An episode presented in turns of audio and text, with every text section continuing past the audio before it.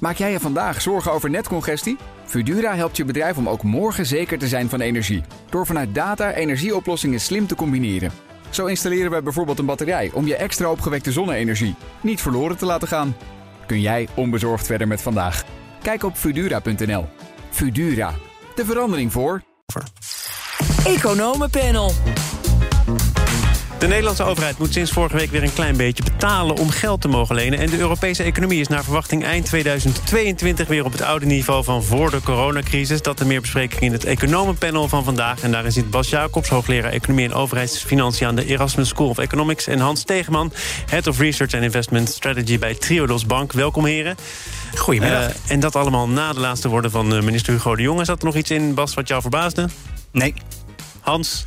Nee, wel, wel dat je aankondigt dat je positief kan zijn... terwijl je tegelijkertijd in dezelfde zin zegt dat je voorzichtig moet zijn. Dat vind ik een hele opmerkelijke.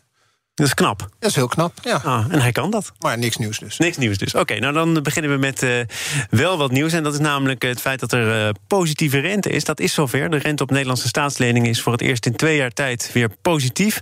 En dat betekent dat de overheid niet langer gratis geld kan lenen. Even een korte verklaring, Bas. Hoe kan dit? Wat is er gebeurd?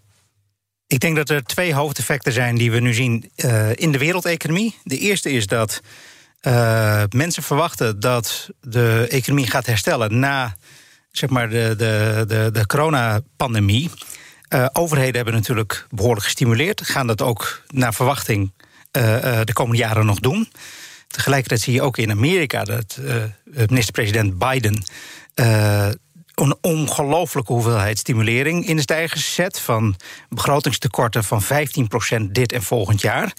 Uh, tegelijkertijd zien we ook, dat is het tweede, dat de coronapandemie waarschijnlijk een deel van het aanbod in de economie heeft beschadigd. Met name in sectoren die gesloten zijn geweest. Denk aan de horeca, toerisme, uh, de, de evenementindustrie. Uh, daardoor zal er zo meteen uh, niet geleverd kunnen worden. Terwijl er wel al, die, al dat spaargeld de economie in gaat. Er zal wat inflatie komen. En ik denk dat die uh, hoge bestedingen, hoge vraag dus. en beschadiging aan het aanbod er nu toe leiden dat de rente gaat stijgen. Ik denk dat beleggers verwachten dat er meer vraag dan aanbod komt... en daardoor de inflatie wat omhoog gaat. En dus de, de centrale banken wat gaan remmen. Maar het feit dat die economie beschadigd is... dat is toch juist uh, bijna ten koste van alles uh, geprobeerd te voorkomen... door al die stimuleringsprogramma's? Zeker. Het was nog veel erger geweest als we het niet mm. hadden gedaan. Dus, dus uh, ik denk dat het macro-economisch beleid uh, eigenlijk heel goed heeft uitgewerkt. In Nederland zeker. En, uh, maar toch zie je dat we in 2000, wat is het, 22 weer terug zijn op uh, de groei uh, van, of het BBP-niveau van, van 2019, betekent toch dat je een aantal jaren groei bent misgelopen. Dat zijn de laatste voorspellingen van de Europese Commissie, waarover uh, later meer. Overigens, Hans, dit gaat dan over positieve rente. Het is wel goed zoeken, hè, tot achter de komma. Is, is het van veel betekenis of niet? Nou, kijk, de, opwaartse trend is wel, wel van betekenis. En in aanvulling van, van wat Bas net zei... kijk, we zagen hem al iets eerder in de VS oplopen... omdat daar het herstel, hè, dan heb ik het over de afgelopen paar maanden... het herstel wat eerder op gang kwam, vaccinatie kwam eerder op gang... en dat, dat stimuleringspakket... Uh, plus daarnaast in, in uh, de VS toch wel een afgelopen week ook materieel gebleken... de angst voor in ieder geval tijdelijk hogere inflatie. 4,2 procent. 4,2 procent. En als je dan kijkt naar wat het waren, het waren tweedehands uh, auto's en dat soort dingen. Dat noemt iedereen altijd, dus ik ook. Um, maar in ieder geval, uh, dat, dat is een, een reëel effect op de rente. En Europa loopt daar net wat achteraan. En ik, ik zat even te kijken, het renteverschil tussen Europa en de VS was eigenlijk opmerkelijk groot. En dat is nu weer een klein stukje kleiner geworden. Hè? Want, want net als in Nederland ging ook in Duitsland en de hele eurozone de rente wat omhoog. Um, waardoor het eigenlijk zo is dat, dat in de conjunctuurcyclus het weer dichter bij elkaar komt te liggen. Wat ook heel erg past bij wat we net hoorden van Hugo de Jonge. Dat we ook hier weer gaan heropenen. Hè. Dus in die trend kan je het, kan je het ook een beetje verklaren. Ja. Wat zijn hier nu uh, de gevolgen van? Er wordt heel vaak gewezen naar bijvoorbeeld uh, de pensioenfondsen. mogelijke effecten op de huizenmarkt. Wat verwacht jij, Bas? Ja, het is, het is nu al duidelijk dat de dekkingsgraden van een pensioenfondsen fors herstellen. En dat de meeste pensioenfondsen nu niet meer hoeven te korten. Uh, bedoel, dit is een heel belangrijk effect van die stijgende rente. Die rente is nu in een aantal maanden tijd toch met een half procentpunt om, omhoog gegaan. Dat is best fors. Het tweede is dat natuurlijk in de woningmarkt je Ik, het hangt een beetje van het ECB-beleid af, denk ik. Hoe die, hoe, hoe, of die de Amerikaanse centrale bank gaan volgen of niet. Maar het zou kunnen dat je wat hogere hypotheekrentes gaat zien. Uh, hoe snel dat gaat, weet ik nog niet. Dat gebeurt nu uh, volgens mij niet omdat er zoveel aanbieders zijn die bang zijn dat als zij de rente verhogen, dat dan uh, de klant naar ja, een concurrent gaat. Maar de ECB heeft ook aangekondigd dat ze voorlopig nog even doorgaat met het opkoopprogramma. En dus daarmee Christine Lagarde wil echt die Europese economie echt een behoorlijke zet nog geven om uit die coronacrisis te komen. Dus ik denk dat het hier nog even, even wachten is op stijgende rentes van de ECB. En, en dat hangt ook wel vanaf. Kijk, dit is een, voor een deel echt een tijdelijk effect. Hè. Ook die hogere inflatie, dat is een tijdelijk effect. Dat heeft te maken met de aard van de crisis en ook de aard van het herstel. Dat je van uh, de productieketens, we kennen de chips die niet leverbaar zijn. We kennen het verhaal over de containers die niet alleen in het Suezkanaal klem zaten... maar die ook gewoon, het containertransport is gewoon duurder geworden. Dat zijn tijdelijke effecten die best wel een paar maanden kunnen duren. Plus een basiseffect, omdat vorig jaar alles inzakte. Dus dat soort tijdelijke effecten die zullen inderdaad tijdelijk effect hebben op inflatie en tijdelijk effect hebben op de rente. Maar wat we echt niet weten, is wat de lange, lange termijn effecten zijn, zowel van monetair beleid als van begrotingsbeleid, als wel gewoon hoe gaat die economie herstellen. Hè? Wat gebeurt er met belastingsschulden, met bedrijven als de, de, eh, de, uh, stimulans van de overheden wordt zeggen dat je heel stellig kunt zeggen dat het uh, per definitie tijdelijk is. Je weet gewoon bepaalde zaken. Nee, nou je, je kan wel. Nou, dat is natuurlijk wat er afgelopen week gebeurde op de beurs. Van ja, waar ieder, hoop, ja. Er gebeurde van alles. Maar dat aan de ene kant het verhaal was van ja, dit is tijdelijk. Maar beleggers maken zich inderdaad ook wel zorgen van in welke mate dit tijdelijk is. Want als je kijkt naar de, naar de grondstoffenprijzen, ja, die gaan echt wel fors omhoog. En je ziet het ook aan de yieldcurve. Dus het lange eind van de yieldcurve gaat ook omhoog. Ja, dus yieldcurve voor de, de mensen de, die lange termijn rentes, die, die gaan ook stijgen. En uh, dat. Uh, um, in, in, er is hier een heel belangrijk macro-economisch debat dat al, je zou kunnen zeggen, sinds die vorige crisis gevoerd wordt over langdurige stagnatie. In hoeverre zitten we nu in een omgeving uh, gevoed door macro-economische ontwikkelingen die te maken hebben met vergrijzing, met toenemende inkomens- en vermogensongelijkheid in de wereld, uh, technologische ontwikkelingen waardoor investeringen goedkoop zijn, uh, nog zo wat zaken, waardoor er heel veel aanbod van besparingen is en heel weinig vraag naar investeringen. Dit drukt die kapitaalmarktrentes omlaag. En de grote vraag is in hoeverre we nu misschien uit dat scenario gaan komen. En de vraag is, uh, uh, uh, ik denk dat die lange termijn trends en structurele ontwikkelingen voor een deel nog gewoon blijven spelen. En dat ook daardoor de rentes best wel laag zullen blijven. Maar zitten we binnen een jaar of vijf à tien op de top van de vergrijzing? Zou kunnen. Um, dat zijn zaken die je aanziet komen, denk ik. Bij ja, maar die structurele ontwikkelingen zien we al een tijdje. Maar het zou best kunnen dat nu, wat ik al eerder zei, door, door corona een deel van het aanbod is beschadigd. En dat we nu toch uit die begrotingsfixaties zijn geraakt. Overal in de wereld zie je dat de vraag wordt gestimuleerd.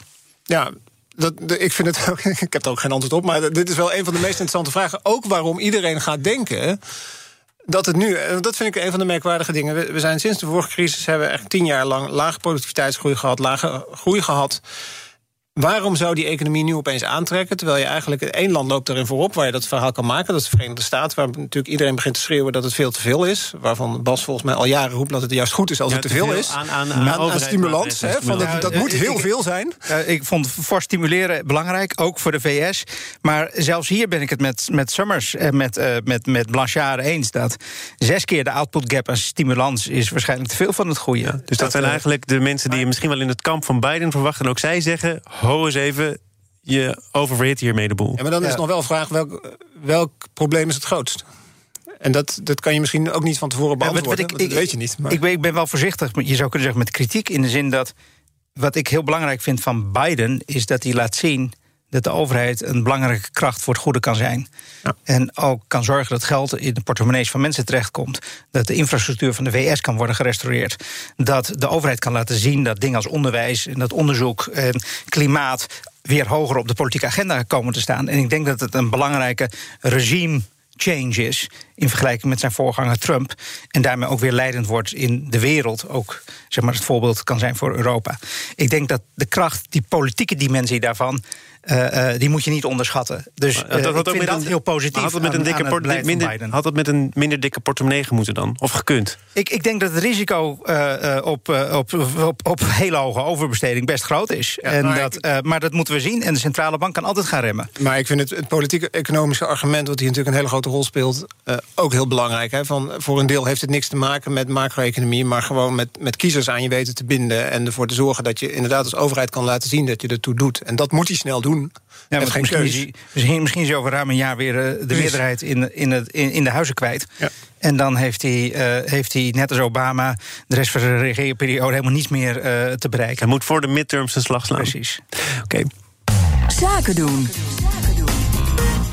Van de VS even naar Europa. En dat doe ik samen met het economenpanel Hans Stegeman... Head of Research and Investment Strategy bij Triodos Bank... en Bas Jacobs, hoogleraar Economie en Overheidsfinanciën... aan de Erasmus School of Economics. En over Europa gesproken. De Europese Commissie, het kwam net al heel kort voorbij... is positief gestemd over het economisch herstel van de lidstaten, ook van Nederland. Eerder dit jaar werd nog verwacht dat het eh, ging om een herstel van 1,8 procent. Verwachting is nu bijgesteld naar boven 2,3 procent. Eh, alles overigens ook weer, Hans, met een potlood opgeschreven... want de risico's zijn hoog en we hebben het over zaken... die we niet helemaal kunnen voorspellen. Maar wat zegt dit? Nou, dit, dit, dit past in een trend van elke voorspeller de afgelopen maanden... dat je telkens iets omhoog gaat. Omdat uh, waar het vaak bij neergang eerst nog...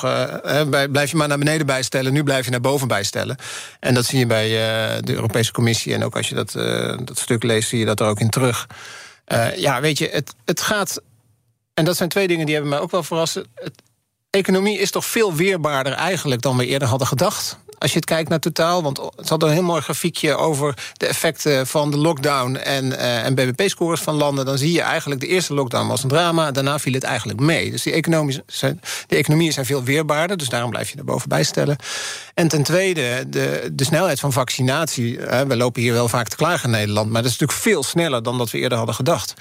Uh, en dat geldt eigenlijk voor de hele eurozone, waarbij we eigenlijk de, de, de luxe paardjes van de hele wereld zijn uh, als je vergelijkt met India. Maar dat is natuurlijk wel het verhaal van de Europese economie. Maar je noemt hierbij niet de overheidssteun, die er natuurlijk ook is. Nee, en waarvan die, de die, speelt, die zegt, speelt daar ook een cruciale rol in. Die is, die is, maar daarbij, we hebben die overheidssteun en, daarna, en wij dachten, daarna wordt het een drama. Maar eigenlijk is dat ook wel deels door die overheidssteun, maar ook gewoon door de weerbaarheid van de wereldeconomie en het toch aanpassen van, van handelstromen en het eigenlijk weer op gang komen van de productie na de eerste lockdown, is dat eigenlijk veel beter gegaan. Maar of het een drama wordt of niet, dat moet nog worden afgewacht. Want ook de Europese Commissie zegt niet te snel stoppen, niet te snel stoppen. We moeten kijken wat er gebeurt als die overheid zich terugtrekt.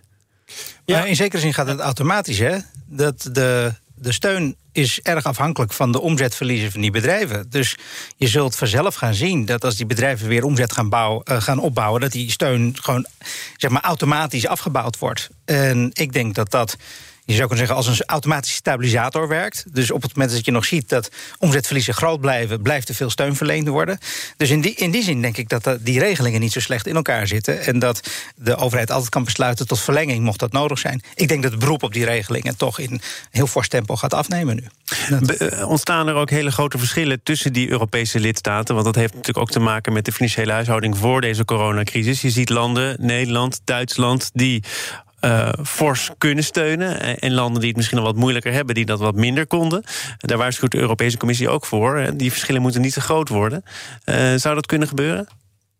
Ja, maar je ziet door de hele coronacrisis heen dat bestaande verschillen, maakt niet uit of dat nou binnenlands is, uh, tussen hoge en lage uh, inkomensgroepen of vermogenden en onvermogenden, maar ook tussen landen, rijke landen, kunnen beter omgaan met, met een averechtse uh, gevolgen, met de averechtse gevolgen van deze pandemie.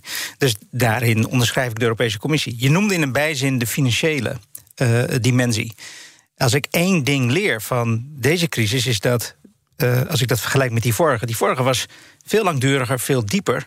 En dat heeft misschien voeding gegeven aan het pessimisme van veel economen. Namelijk dat we niet zo goed met deze pandemie zouden, om, uh, uh, zouden kunnen omgaan. Dat de economie, net als in die vorige crisis, heel lang te maken zou krijgen met nasleepeffecten. En dat blijkt nu heel beperkt te zijn. En dat valt me toch wel op. Dat die economie vorig jaar, maar ik denk ook dit jaar, heel snel kunnen terugveren. En dat, uh, uh, en dat misschien wel omdat die financiële sector er niet tussen zit, dat het herstel heel snel kan. En dat, uh, en dat, en dat die financiële sector is natuurlijk in Zuid-Europa. Een, pro, een groter, je zou kunnen zeggen, probleem. In de zin dat die sector minder goed in staat is de economie te ondersteunen dan misschien bij ons. Zie jij dat ook als een belangrijke verklaring? Nou, ik, ik, zie nog, ik zat nog even te denken van die verschillen tussen die lidstaten. Wat natuurlijk in de tussentijd ook is gebeurd, is dat resilient, of dat, dat Recovery Resilience uh, wat, Fonds, RFF uh, eh, Facility. Ja, dus, dus dat, dat, dat pakket waar alle lidstaten op konden intekenen. En wat, wat je daarin ziet, uh, met structurele maatregelen om economieën te versterken, dan zie je dat Italië daar best wel een verstandig pakket voor heeft ingediend. Waar dus miljarden meer gaat naar lidstaten. Dat is ook wel grappig. Nederland heeft dus helemaal niks ingediend. En je ziet er ook niks over in de krant. Dat is ook een politieke keuze om dat niet te doen. Ja, Nederland heeft ook ja, er wordt ook gezegd, dat kan achteraf nog. Maar dit is natuurlijk wel het eigenlijk een heel verstandig structureel beleid... wat toch is opgetuigd in de afgelopen jaren... om ervoor te zorgen dat die, dat die verschillen niet groter worden. Dus, dus ja... Uh, en daarnaast, de oorzaak van de crisis was totaal anders dan de vorige crisis. Die kwam met de financiële sector. Natuurlijk speelt dat een rol. Dat, en speelt hier ook een rol dat de overheden... en misschien ook wel de Nederlandse overheid heeft geleerd... om niet als een gek te gaan bezuinigen. Je had het over de fixatie op begrotingen. Ja, ik kom je graag tegemoet. Maar dat is natuurlijk ook een les van de vorige keer. Denk nee, maar ik denk dat in Nederland alle politieke partijen... behalve de VVD inmiddels hebben geconcludeerd... dat we de vorige keer er veel te hard zijn ingegaan. Ik denk dat dat ook nu de consensus is. Dat was uh, tien jaar geleden niet zo. Uh, ik denk dat we nu moeten vrezen voordat we nu doorschieten naar de andere kant. Kijk naar wat ik net zei over Biden. Uh, we zien ook dat nu de anatomie van deze crisis is weer een andere dan die in de vorige. Uh, in een economie met vraaguitval moet je stimuleren. Maar we hebben hier ook allerlei aanbodbeperkingen. En dan werkt vraagstimulering werkt veel minder goed. Dus je moet daar voorzichtiger mee omgaan. En als ik nu bijvoorbeeld kijk naar de politieke partijprogramma's bij de afgelopen verkiezingen. We zijn natuurlijk nu nog aan het formeren. Vrees ik dat ze toch heel veel geld gaan inzetten voor overheidsconsumptie te weinig voor overheidsinvesteringen. Uh, wat, wat is precies het verschil? Nou, voor de overheidsinvesteringen heb je in de toekomst iets, ja. iets terug in de vorm van onderwijs, de klimaattransitie. Ook een, speciaal fonds voor, toch? Het, uh, het investeringsfonds. Ja, maar dat duurt maar een paar jaar. En er is echt wel een lange termijn investeringsagenda Nou ja, als, je, als je kijkt naar wat vandaag nog in het Financieel Dagblad stond... over wat het tekort komt voor de, voor de energietransitie. Ja, 55 miljard in, geloof de komende tien jaar. Um, en dan wordt gezegd dat is onmogelijk. Nou, ik denk dat dat nou bij uitstek is waar je als overheid in zou kunnen investeren. En dan eh, precies wat minder alleen maar op de consumptie... en voor een deel ook mensen tevreden houden met koopkrachtplaatjes. Daar wordt je land niet sterker van. Denk je dat eh, die uh, nou, wat mindere fixatie op dat begrotingstekort... en het sluitend krijgen van alle cijfers... dat dat van tijdelijke duur is of niet? Nou, ik mag hopen van wat ik, wat ik mis, en misschien is dat nog te vroeg, hè, maar kijk, uiteindelijk gaat het toch over verstandig begrotingsbeleid. En er is nog wel zoiets als anticyclisch, nou ja, dat is nooit gelukt, maar het idee van anticyclisch begrotingsbeleid en, en hoe je dat verstandig zou eh, kunnen doen. En dat betekent niet dat je altijd maar geld kan, uh, kan uitgeven voor iedereen die langskomt. En af en toe lijkt het daar nu wel een beetje op. En uh, de hoop, wat mij betreft, zou toch zijn dat dat verstand en dat is misschien nog te vroeg. Hè. Je wil ook niet te snel op de rem trappen. Dus je wil eerst dat die, dat die pandemie over is. Maar dat in ieder geval in het regeerakkoord toch daar verstandige dingen over landen. Heb jij die hoop ook? Zeker. En wat mij echt al meer dan tien jaar verbaast... en dat blijft me verbazen, is dat er in Nederland door onze politieke partijen eigenlijk niet wordt nagedacht over de macro-economische politiek. Wat moeten we nou vinden van de staatsschuld en het begrotingstekort? Wat moeten we vinden van de lage renteomgeving? Hoe gaan we om met onze pensioenfondsen? Hoe gaan we om met het langetermijn investeringsprogramma van de overheid? Klimaat, onderwijs, research and development. Maar wordt er, wordt er niet over bijvoorbeeld pensioenen nagedacht? Gaat volgens mij geen week voorbij of er verandert weer iets? Ja, maar als je nu ziet dat in de afgelopen jaren, ik geloof tien jaar, niet geïndexeerd heeft kunnen worden vanwege die lage rentes. Uh, zou je een discussie kunnen voeren over of je zoveel kapitaaldekking moet hebben ten opzichte van omslagfinanciering? Ik heb er van de Nederlandse politieke partijen niks over gehoord. Dat, waar, waar uh, komt dat door, denk je? Is het te ingewikkeld? Of, uh... Ik, nou ja, ik, jij, vraagt er, jij, vraagt er, ook al tien jaar aandacht voor en je bent er wel eens in die Ik heb sterk de indruk dat de, de macro-economische politiek... bij veel politieke partijen bepaald wordt door de persvoorlichters... die af en toe een ballonnetje oplaten... en dat de politieke partijen zelf zijn afgehaakt... bij hun eigen wetenschappelijke bureaus... dat die partijen zelf nauwelijks meer ideeën genereren... omdat die in het moderne politieke bedrijf... eerder als obstakels worden gezien... als, als, als, als, uh, uh, als barrières om snel te kunnen opereren... in een heel erg hyperige omgeving waarin ze dag in dag uit opereren. Ik denk dat, dat gevestigde belangen, belangengroepen en mensen die toegang hebben tot politieke partijen, om het meteen heel cynisch neer te zetten, dat die voor een groot deel de macro-economische agenda bepalen dan een denktek van een politieke partij die daar eens gewoon structureel over gaat nadenken. Dus veel te veel korte termijn beleid. En zeker als je allerlei coalities moet vormen, dan uh, ja, weet je, is veel makkelijker. Iedere maandag tussen 1 en half 2 even luisteren naar het Economenpanel... zou een goed begin kunnen zijn voor al die politici. Bas Jacobs, zoals hier Hans Tegenman, dank voor jullie bijdrage aan het Economenpanel. Zometeen dan gaat het in BNR Zaken doen onder andere over... Uh, online transparant bieden op een huis. Gaat dat veel verschil uit? Maak jij je vandaag zorgen over netcongestie? Fudura helpt je bedrijf om ook morgen zeker te zijn van energie. Door vanuit data energieoplossingen slim te combineren. Zo installeren we bijvoorbeeld een batterij om je extra opgewekte zonne-energie niet verloren te laten gaan. Kun jij onbezorgd verder met vandaag? Kijk op Fudura.nl. Fudura, de verandering voor.